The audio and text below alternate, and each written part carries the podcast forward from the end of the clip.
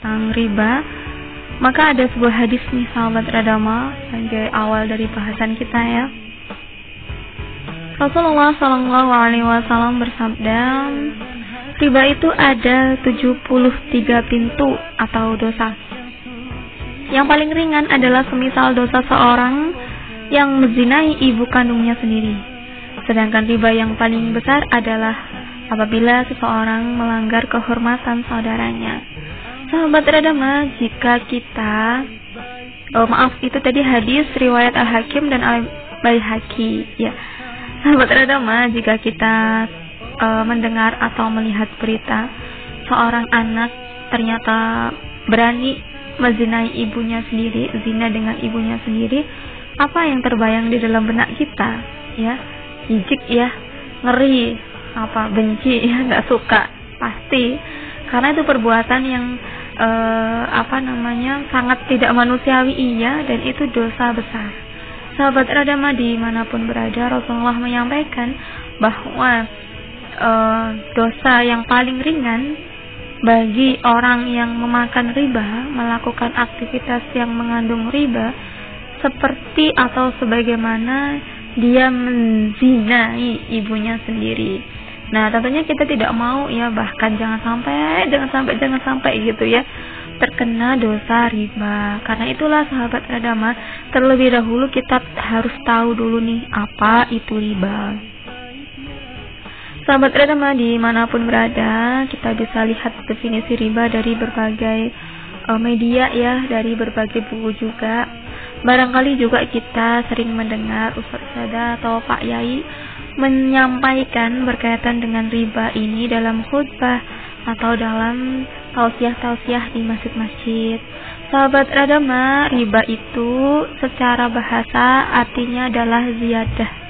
Ziyadah ya. Za uh, ya uh, dal ya. Kemudian hak ya, hak sukun ya. Ziyadah. Artinya apa? Ziyadah itu artinya adalah tambahan Secara istilah, riba itu bisa diartikan sebagai penetapan bunga atau melebihkan jumlah pinjaman saat mengembalikan berdasarkan persentase tertentu dari jumlah pinjaman pokok yang dibebankan kepada peminjam. Jadi riba ini adalah sahabat radama sangat dekat dengan aktivitas uh, pinjam meminjam. Jadi awalnya riba itu ada dalam aktivitas pinjam meminjam uang ya. Ngutangi duit. Biasanya begini prakteknya ya. Kalau ada ribanya itu misalkan ya uh, si A ya ibu seorang ibu meminjami uang kepada uh, mbak tertentu si mbak ya. Meminjami uang sepuluh ribu kemudian kembalinya ternyata sebelas ribu. Nah seribunya itulah ziyadah sahabat radama. Seribunya itulah riba. Ketika kemudian seribunya ini diterima dan e, apa namanya diambil maka pada saat itulah orang yang mengasih mengasih orang yang memberi e, kelebihan itu dan orang yang menerima kelebihan itu berarti yang meminjami ataupun yang dipinjami itu akan mendapatkan dosa riba. Kalau ternyata itu ada riba yang paling ringan, maka dia akan dapat dosa sebagaimana dia menzinai ibunya sendiri. Nah, ini tentu dosa yang disebut ringan tapi sebenarnya sangat berat sahabat agama. Karena itulah jangan sampai kemudian kita meminjami atau kita meminjam meminjam uang yang kemudian nanti proses pengembaliannya pengembaliannya itu kemudian ada tambahannya. Nah itu soalnya riba sahabat agama nah hmm, kalau kita lihat di sekeliling kita mungkin masih ada ya praktek yang seperti itu. Nah pertama jangan sampai nih kita kita dulu ya kita sendiri dulu. Jangan sampai kita kemudian melakukan praktek transaksi ekonomi ya pinjam meminjam yang seperti itu yang kedua kalau misalkan uh, keluarga ya kita melihat keluarga kita kemudian uh, melakukan hal yang semacam itu, maka kita harus kasih tahu. Ini hadis, ada hadisnya bahkan dalam Al-Quran juga ada sahabat Radama. Insya Allah begini ayatnya. Wa ahallallahu al-bay'a wa riba. Jadi Allah itu membolehkan jual beli, tapi Allah mengharamkan riba. Kenapa kok Allah itu mengharamkan riba dan Allah itu mensejajarkan riba itu dengan jual beli? Karena jual beli dan aktivitas yang memunculkan riba itu sangat dekat, ya, sangat dekat. Sama-sama kemudian dalam rangka biasanya untuk mendapatkan keuntungan, ya, mendapatkan pemasukan, mendapatkan kelebihan dari harta yang dimiliki. Tapi kalau dari jual beli, maka itu dari penambahan harga tidak masalah. Ziyadah yang tidak diperbolehkan adalah uh, ziyadah yang diberikan atau ditempelkan ya, pada aktivitas pinjam meminjam. Jadi jual beli itu misalkan uh, harganya itu ditambah ya dari harga modalnya ya sudah barang tentu ya mesti begitu ya. Kalau nggak gitu ya nggak jual beli namanya. Nggak ada untung. Nah itu nggak apa-apa. Ziyadah dalam jual beli nggak apa-apa. Yang nggak dibolehkan adalah ziyadah bimakna atau tambahan yang artinya adalah riba. Nah itu dalam Al-Quran dalam hadis juga kemudian menjelaskan bagaimana yang disampaikan tadi ya uh, dosanya sungguh berat. Nah, sahabat radama di mana pun berada, kalau kemudian kita sendiri sudah menjaga diri dari aktivitas yang mengandung riba, dan kita sudah menyelamatkan keluarga kita dari aktivitas yang mengandung riba, nah tentu dong kita juga peduli dengan orang-orang lain di luar diri kita, di luar keluarga kita yang faktanya sahabat agama masih sangat banyak sekali orang masyarakat itu yang menggunakan praktek riba ini dalam berbagai transaksi ekonomi e, kesehariannya. Contohnya apa?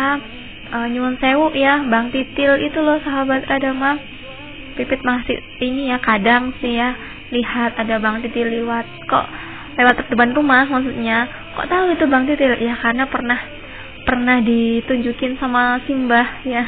Itu loh Bang Titil gitu. Tapi Simbah nggak nawarin titit ya karena sudah tahu Pipit nggak akan mau ya.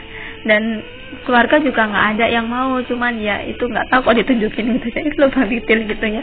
Akhirnya saya tahu ternyata di Sedayu masih ada nih uh, praktek uh, pinjam meminjam yang memakai riba. Kalau Bang Titil itu nggak mungkin nggak ada ziyadah atau tambahannya ya karena itu uh, apa mereka menyebutnya um, sebagai upah karena sudah nagihin ya keliling uh, menagih cicilan pinjaman uang itu itu mereka mengharapkan imbalan. Nah, sayangnya imbalannya itu adalah imbalan riba mending jual beli walaupun kredit sahabat agama tapi juga pernah nih lihat kredit ya. Kredit panci ya kredit kredit bahkan kredit bak, bak buat cuci baju tuh loh bak plastik gitu loh ember. Itu juga ada ya. Kredit sapu kredit kasur kredit blender semua alat-alat rumah itu dikreditkan. Nggak masalah walaupun ada tambahan harga. Misalkan kalau cash itu beli blender itu 150 misalkan.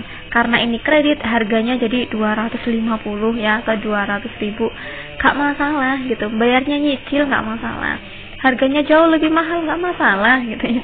Karena jual beli itu asalkan ridho sama ridho suka sama suka harganya itu berapapun itu tidak masalah begitu. Tapi beda dengan pinjam meminjam sahabat agama ada tambahannya 100 rupiah saja maka itu kalau kelebihan tidak boleh diterima karena itu masuk ke dalam riba. Bahkan ada sebuah kisah pada masa Rasulullah, Rasulullah kemudian di apa namanya minjami ya, minjami uh, sesuatu kepada orang Arab. Kemudian ternyata orang Arab ini ketika mengembalikan itu uh, ada rumput ya, uh, minjami apa batu apa baju besi atau apa gitu Nah, mengembalikannya ini ada pakai rumput. Nah, mungkin nggak sengaja ya, nggak sengaja uh, bawa rumput ya buat apa juga rumputnya tapi itu kemudian Rasulullah menekankan kembalikan sebagaimana engkau meminjam. Tidak ada tambahan. Kalau kurang itu boleh sih tapi harus kalau mis uh, kesepakatan atau keridoan yang meminjami misalkan kita meminjami uang kepada tetangga kita 50 ribu. Kemudian tetangga kita mengembalikan 45 karena ternyata uangnya tidak cukup sampai 50 kemudian kita mengikhlaskan ya sudah nggak usah 5 ribunya misalkan. Nggak apa-apa. Yang nggak boleh itu tambahan ya. Ditambah 50 ribu lebihan 500 rupiah nggak boleh ya. jadi harus pas nggak boleh tambah ada tambahannya jadi itu tadi ya mending mending kredit ya kalau misalkan kita mau um, me, apa ya mengembangkan harta kita gitu ya biar biar nggak mandek ya dikembangkan dikelola biar jadi pemasukan juga. Jangan bang titil ya sahabat radama. Jual barang-barang secara kredit aja biasanya orang yang beli kredit juga nggak masalah gitu. Kalau misalkan membeli barangnya lebih mahal karena uh, apa istilahnya itu ya nggak kerasa gitu kalau kredit itu ya seminggu itu berapa bayarnya. Dibandingkan dengan langsung beli berapa ratus ribu misalkan gitu ya. Kalau bibit sih lebih baik ditabung dulu ya baru beli. Sahabat rada di mana pun berada itu kalau uh, harus uh, milih ya maka pilih yang kemudian jangan sampai ada ribanya. Sahabat Radama di mana pun berada karena riba itu adalah dosa besar maka konsekuensinya juga besar. Bukan hanya kemudian yang dapat dosanya yang melakukan dan yang menjadi saksi yang menjadi pencatat ya. Tapi juga ini berakibat kepada turunnya adabnya Allah adab Allah ya karena saking besarnya dosa riba ini makanya jangan sampai kemudian kita keluarga kita bahkan sekeliling kita itu kemudian melakukan praktek ini. Makanya kalau tahu maka harus diingatkan. Sayangnya nih sahabat radama kalau kita lihat sekilas sejarah riba riba itu munculnya dari mana sih? Maka kita tahu riba itu munculnya dari uh, bank. Ya bank itu munculnya dari mana? Jelas dari barat. Yang buat bank pertama kali itu siapa? Jelas Amerika. Orang-orang Amerika dan Eropa pada saat itu abad ke-21 ya abad pertengahan. Abad 20 ya abad 20 akhir abad 20 mereka kemudian me, apa ya berkumpul memikirkan nasib bangsa mereka ke depannya e, bagaimana cara memajukan negara mereka tanpa sumber daya alam yang memadai? Karena memang di barat itu tidak ada sumber daya alam sahabat radama. Jadi kalau kita tinggal di Indonesia dengan sumber daya alam yang luar biasa maka sudah sepantasnya ya kita bersyukur dan menjaga sumber daya alam kita. Jangan sampai ini dikuasai oleh asing ya. Karena memang asing nggak ada. Asing itu maksudnya ya orang barat ya kita kan orang timur ya.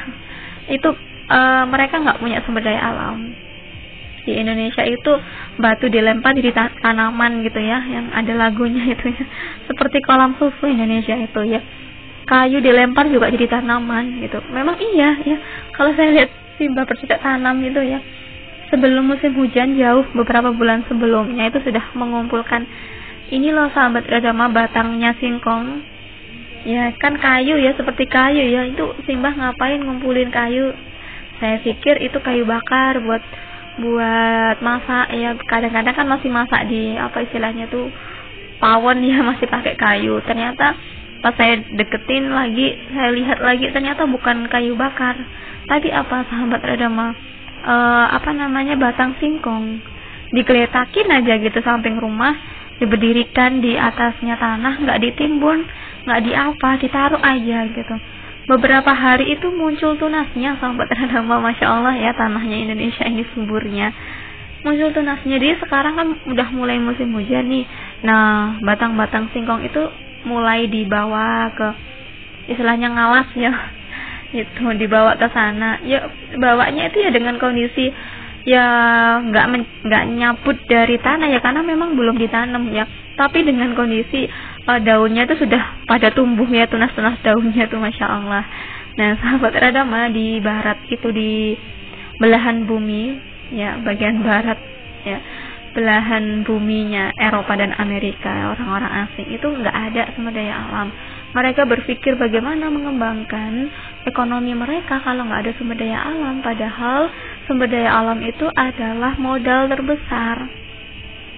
Ya nah mereka berpikir untuk mengumpulkan harta dari rakyatnya kemudian dihimpunlah harta itu disimpanlah harta itu di yang di lembaga yang namanya bank Nah, kok mau orang-orang menyimpan uang di lembaga yang namanya bank itu yang mereka bentuk? Karena mereka memberikan imbalan bunga. Jadi siapa saja yang naruh uangnya di banknya mereka, maka dalam waktu satu bulan per bulannya itu akan bertambah uangnya itu dengan sendirinya gitu ya bayangannya itu. Berapa persen misalkan tergantung kalau bunganya 10% berarti kalau nabung di bank 100 ribu maka bunganya 10 ribu ya sahabat Radama jadi dalam waktu satu bulan uang kita kalau misalkan kita nabung di bank ya kalau bunganya 10% berarti uang kita jadinya 110 yang awalnya 100 ribu Nah ini namanya bunga Nah ini sahabat Radama dilakukan oleh mereka terus menerus hingga Kemudian banyak sekali yang menabung atau menaruh uangnya di bank. Nah, ketika uangnya terkumpul, sahabat agama dipakai apa? Maka oleh para banker ya, oleh para orang-orang yang mendirikan bank itu diputar Diputar untuk apa? Diputar untuk memajukan, mengembangkan ekonomi negaranya mereka, untuk bangun jalan tol, untuk bangun apa gedung-gedung, untuk memperbaiki jalan, untuk yang lain-lain. Nah, itu. Makanya pernah ada peristiwa kredit macet ya. Kredit macet salah satu peristiwa banyak ya peristiwanya, tapi salah satu peristiwanya itu pada saat fenomena kredit macet itu adalah uh, ternyata bank itu kehabisan uang. Dan ternyata dalam waktu bersamaan orang-orang yang nabung di bank itu mau ngambil uangnya. Jadi ngambil uangnya uangnya nggak ada. Di bank itu nggak ada. Ke mana? Ya diputar itu tadi uangnya ke mana ke mana gitu sama banker itu. Nah kok berani ya seperti itu? Karena gini sahabat teragama ketika uang diputar maka harapannya nanti akan kembali. Diputar itu maksudnya sebagai modal gitu loh sahabat agama nah nanti akan kembali uangnya. Ternyata uangnya belum kembali. Yang punya uang ini minta di bank begitu. Pernah nggak sahabat radama itu kemudian di bank terus ada batasan ambil uang? Yang mungkin nominalnya nggak sedikit ya 50 juta atau lebih itu biasanya ada bank tertentu yang ngasih peringatan begini. Kalau misalkan mau uh, ambil uang melebihi nominal sekian maka harus pemberitahuan dulu gitu ya mengajukan dulu uh, dalam waktu berapa hari atau berapa minggu baru bisa diambil sesuai dengan yang diajukan itu ketika nominalnya besar itu tadi. Nah sahabat radama pernah nggak kita juga mikir loh itu kan uang kita. Misalkan kita punya uang 100 juta begitu ya di bank. Kita ngambil nggak bisa karena ternyata itu melebihi batas pengambilan. Nah ini kan uang kita. Kenapa kita nggak boleh ngambil? Nah itulah sahabat radama. Sebenarnya uang kita di bank itu diputar sahabat radama. Walaupun kita itu niatnya adalah nabung. Sampai sekarang sistemnya sama. Sejak dulu ketika awal bank berdiri sampai sekarang sama sistemnya jadi uang kita diputar. Tapi kalau kita mau ngambil di ATM misalkan kok bisa terus ya? Karena saking banyaknya uangnya yang nabung di bank itu lebih banyak. Jadi uang di bank itu jumlahnya nggak terukur berapa. Kita mungkin nggak kebayang berapa jumlahnya. Sehingga ketika kita ngambil pasti ada karena nggak mungkin misalkan Bank Indonesia ya yang nabung di Bank Indonesia orang Indonesia seluruhnya misalkan nggak mungkin seluruhnya itu kemudian ngambil uang bersamaan. Itu jadi ada yang ngambil ada yang nabung ada yang ngambil ada yang nabung. Nah itulah sahabat radama e, riba dari awal yang kemudian berkembang hingga hari ini. Sahabat radama di mana pun berada pertama riba itu bukan buatan orang Islam, bukan dimunculkan oleh kaum muslimin karena memang itu justru Islam itu mengharumkan. Datangnya riba itu dari bank dan bank itu yang buat yang pertama kali buat itu adalah orang barat yang sama sekali tidak mengenal Islam. Dan yang kedua, riba itu menyengsarakan sahabat radama dolim.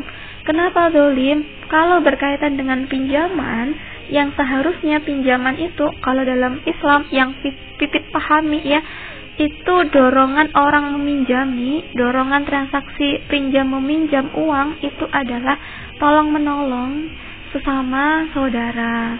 Jadi bukan dalam rangka untuk mendapatkan keuntungan.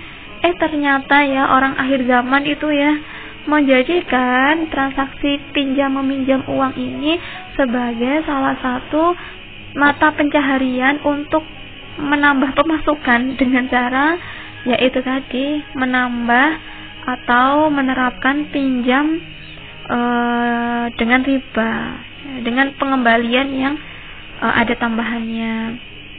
Padahal kalau kita itu butuh untuk mm, apa ya membuat sebuah usaha atau melakukan transaksi ekonomi dalam rangka menambah pemasukan caranya bukan dengan meminjami uang kepada orang lain. Islam punya caranya dan caranya sangat banyak. Salah satunya adalah jual beli. Nah, jual beli itu pun sahabat Radama macamnya itu banyak sekali. Jual beli cash bisa, jual beli kredit bisa. Biasanya yang lebih menguntungkan itu jual beli kredit ya.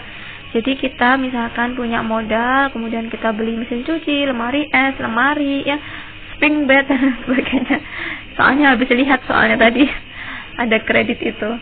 Nah itu kemudian dinaikkan harganya. Lebih lebih apa? Lebih tinggi dari harga cashnya. Nah itu kan lebih untungnya lebih besar berarti kan ya. Cuman jangka waktunya lebih lama. Ya kalau cash itu bisa langsung dapat uangnya. Kalau kredit kan harus ditagih dulu berapa bulan berapa tahun gitu. Nah sahabat Radama itu juga kemudian dibolehkan. Jadi banyak ya caranya bahkan sahabat Radama kalau kita itu mau jual beli tapi tidak memiliki modal itu juga kemudian Islam punya caranya, masya Allah ya. Dengan apa? Dengan jual beli yang namanya jual beli uh, asalam atau uh, jual beli atau kita jadi perantara ya jadi makelar. Pertama jual beli salam atau kita uh, jadi perantara. Ini kalau kita nggak punya produk dan kita mau pakai jual beli model atau pola asalam, kita bisa cari pelanggan dulu nih, cari pelanggan gitu. Misalkan kita beli, kita jual misalkan tas ya, kita tahu tempat kulakan tas misalkan. Di PGS nih kalau di Surabaya ya. Pusat grosir Surabaya. Tempat di situ. Kemudian kita datang ke sana kita foto-foto dan kita menjual tas itu menggunakan foto. Boleh. Kemudian kita tawarkan ke orang ternyata ada yang tertarik nih. Nah ketika orang ada orang yang tertarik kemudian e, kalau karena asalam itu harus bayar cash di depan maka yang pelanggannya harus bayar dulu di depan. Habis itu baru kita cari barangnya itu di PGS misalkan kalau kita e, kulakannya di PGS begitu. Boleh sahabat Radama atau teman kita misalkan dia punya produk herbal misalkan atau madu misalkan. Gitu. Terus kita uh, mau kerjasama kerjasamanya gini uh, aku tak bantu jualkan ya aku minta foto-foto produkmu dong nanti kalau ada yang beli baru aku ambil di kamu gitu. Boleh. Jadi kita bermodalkan foto itu menjualkan madu. Nah kalau ada yang beli baru yang beli ini bayar. Kemudian kita membelikan e, madu itu ke teman kita yang punya madu itu dengan uangnya pembeli. Nah, jadi ini model asalam ini adalah jual beli yang cash di depan uangnya, tapi barangnya itu e, kemudian ya, barangnya itu menyusul besok atau sesuai kesepakatan lah berapa hari itu sahabat Radama. Nah, masa ada orang yang mau seperti itu gitu ya. Sekarang sahabat Radama online itu semuanya begitu ya. Kita harus transfer dulu baik itu beli di perorangan atau beli di marketplace kita harus transfer dulu kan baru barang diproses baru barang dikirim baru barang sampai nah Kalau dalam Islam memang ada seperti itu dan diperbolehkan. Asasnya kepercayaan biasanya gitu. Tapi kalau dengan apa canggihnya uh, teknologi sekarang berkembang pesatnya jual beli macam-macam cara jual beli itu uh, insya Allah terpercaya ya apa penjual-penjual itu walaupun online karena apa? Karena kalau ya masih ada sih yang kemudian ternyata apa penipuan dan lain sebagainya. Tapi rata-rata sudah enggak. Karena kalau e, menipu ya dia sendiri yang rugi siapa penjualnya? Gitu. Karena apa menjadi penjual itu kan butuh pembeli yang berkelanjutan ya. Kalau ternyata pembelinya kena tipu jadi ya nggak akan beli lagi di situ ya kalau ada yang beli lagi yang lain orang lain kemudian kena tipu lagi dia nggak akan beli lama-lama dia akan jatuh dan bangkrut usahanya itu. Jadi e, ternyata yang seperti itu diterima ya oleh dunia saat ini. Itu konsep dari Islam loh sahabat radama. Assalam. Ada lagi nih sahabat radama cara kita jual beli tanpa kita modal tanpa kita ya sebenarnya semua pakai modal entah tenaga entah harta gitu ya tapi yang jelas tanpa kita memiliki produknya terlebih dahulu, yaitu dengan jadi broker atau maklar. Dalam Islam itu disebut sebagai samsaroh, ya akad samsaroh. Kita menjadi perantara orang yang punya barang dan orang yang cari barang. Jadi kita di tengah-tengahnya penjual dan pembeli. Misalkan nih ada rumah dijual gitu ya. Terus kita menawarkan tak bantu jualkan ya Nah, nanti tapi kom ada komisinya gitu karena memang itu perjanjian kerjasama gitu ya kerjasama usaha. Atau dimintai tolong lah ya nanti dikasih komisi segini misalkan 15% dari harga penjualan rumah. Kan yang punya rumah bukan bukan kita yang jadi perantara ya kita hanya nyarikan pembeli. Nah kalau ada yang beli ternyata uh, kita dapat komisi 15% dari harga penjualan rumah. Nah masya Allah ya jadi sebenarnya sahabat Radama banyak kok cara kita bertransaksi dalam ekonomi tanpa menggunakan riba. Bahkan e, riba ini adalah cara yang sempit ya, hanya satu caranya itu sudah sudah susah dosa lagi. Tapi kalau kita menggunakan cara Islam banyak jalan dan itu insya Allah berkah karena sesuai yang dituntunkan oleh Rasulullah Sallallahu Alaihi Wasallam sahabat Radama di mana pun berada kita akan lanjutkan lagi nanti ya. Jangan ke mana-mana tetap di 105,6 MHz Radama FM The Son of Islam berilmu mencerahkan.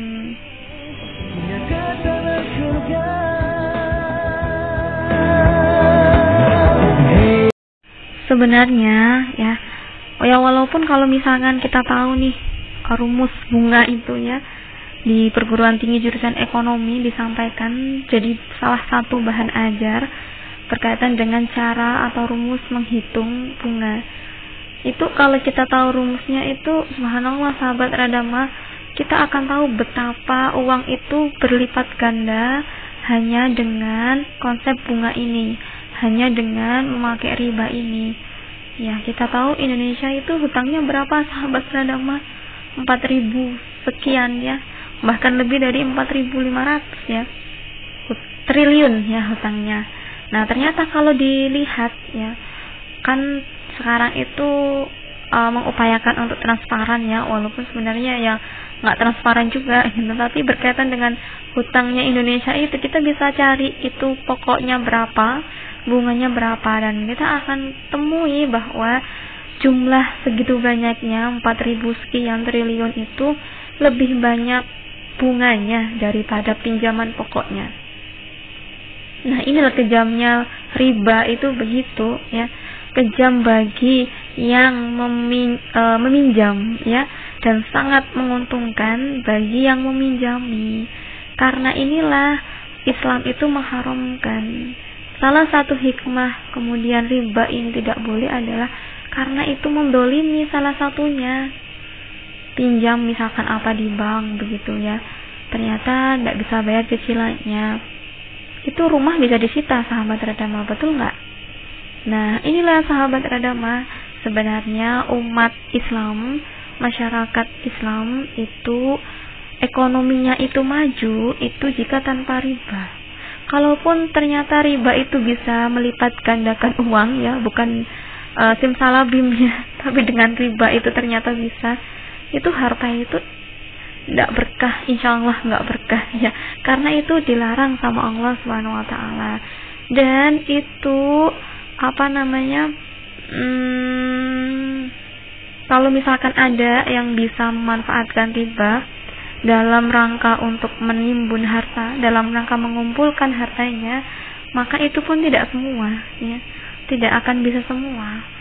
Kalau riba itu didapat dari proses meminjami, ya berapa orang yang bisa meminjami? Orang lain atau berapa orang yang bisa membuat atau membentuk lembaga yang itu lembaga bisa disebut lembaga rentenir ya yang kemudian meminjami dan mencekik orang yang meminjam itu dengan bunga atau apa istilah di Sekayu itu ya anaan ya.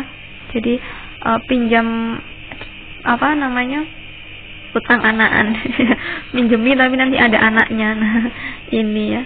Sahabat mah di mana pun berada tentu resiko atau akibat dari aktivitas ekonomi atau transaksi ekonomi yang menggunakan e, riba ini kalau mau ngambil untungnya secara kasat mata itu tentu juga tidak bisa dikatakan itu untung ya karena akan lebih banyak yang terdolimi atau merasakan akibat kedoliman dari transaksi ini.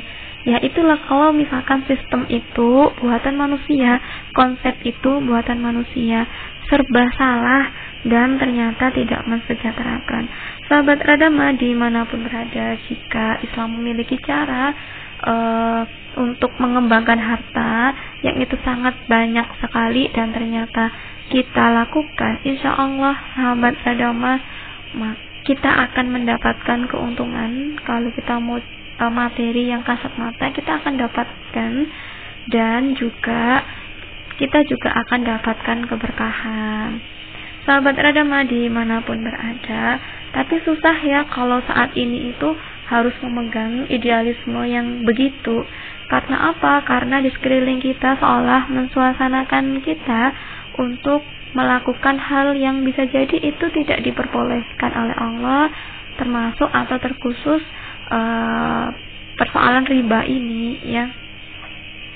Sahabat Radama di mana pun berada, nah karena itulah kita kemudian butuh suasana, ya kita itu tersuasanakan untuk tidak menerapkan aturannya Allah.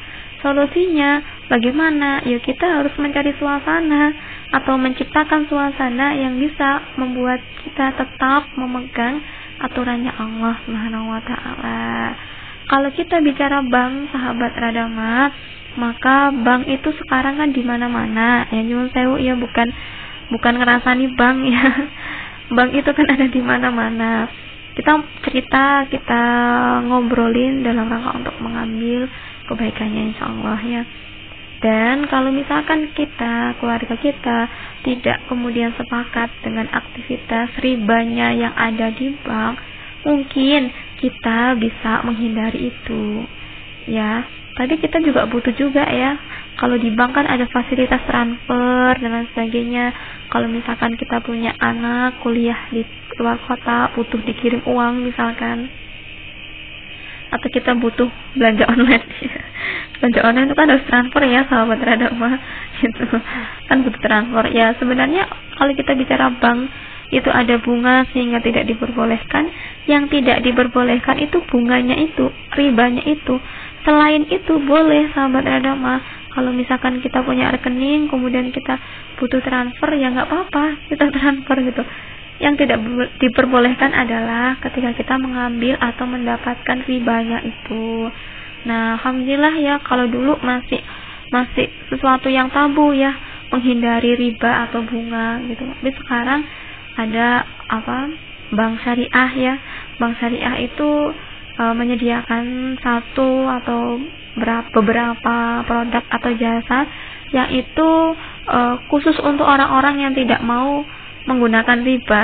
Harusnya tuh ya semua nggak pakai riba ya. Tapi kita bisa mengambil hikmahnya maksudnya kita bisa mengambil baiknya. Uh, alhamdulillah begitu ya ada begitu kemudian menyadari itu dan menyediakan khusus yang kemudian tidak ada ribanya.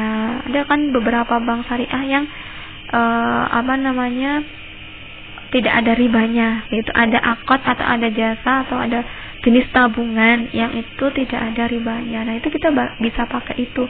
Jadi bukan berarti kita benar-benar anti dengan bank karena memang ada bagian-bagian dari bank fasilitas atau jasa-jasa dari bank yang itu boleh, yang nggak boleh soalnya kan bunganya sahabat agama bukan banknya gitu ya tapi yang mengawali bunga mengawali adanya riba itu bank kita mau menyampaikan begini andai kata andai kata kita itu mau menghapuskan sama sekali riba karena kan memang riba itu dosa besar ya sahabat agama andai kata kita mau menghapuskan itu tidak bisa. Kenapa? Karena bank itu sudah di mana-mana dan terpusat. Nah pusatnya di mana? Maksudnya terpusat itu kalau misalkan kita menghentikan yang cabangnya pusatnya masih ada kan sama saja ya. Nah pusatnya itu di mana? Pusatnya itu di Amerika sahabat agama nah masa kita mau menghentikannya di Amerika susah ya? Nah inilah kebutuhan kita terhadap uh, suasana yang sudah disampaikan tadi. Nah suasana ini yang paling bisa yang paling mampu menciptakannya menciptakan suasana. Kalau misalkan suasana Islam gitu ya yang paling bisa menciptakan suasana Islam adalah pemimpin di suatu tempat itu, di suatu negara itu, ya. Karena pemimpin yang paling bisa uh, atau paling punya kapasitas atau paling punya kewenangan ya untuk kemudian membuat satu aturan yang itu diterapkan oleh seluruh rakyatnya. Nah, karena itulah butuh nih kalau Bibi sampaikan tadi untuk diri kita. Jangan sampai kita ngambil riba. Untuk keluarga kita jangan sampai keluarga kita ngambil riba. Untuk orang-orang sekitar kita tetangga kita dan orang yang kita kenal kita kasih tahu jangan sampai jangan sampai mengambil riba kita juga tidak boleh kemudian lupa untuk menyampaikan kepada pemimpin sahabat agama kenapa karena justru pemimpin ini adalah ujung tombak dari sebuah uh, kondisi di satu negara kondisi di satu negara itu sangat bergantung pada pemimpinnya. Nah, maka dakwah itu, dakwah atau menyeru itu tidak ada batasan tempat dan tidak melihat orang ya. Kalau kita bisa menyampaikan ke orang itu, maka sampaikan. Sahabat agama di mana pun berada, ya uh, sejarah membuktikan. Nah, ini bagian yang paling suka nih bahas sejarah ya Sejarah membuktikan walaupun nggak ada bank, bank itu kan munculnya setelah apa namanya jauh atau setelah lama Islam itu e, dalam masa kejayaannya ya pada masa Rasulullah kan nggak ada riba ya. Maksudnya yang riba yang terlembaga ya dalam bentuk bank. Kalau Rasidin juga pada masa itu nggak ada.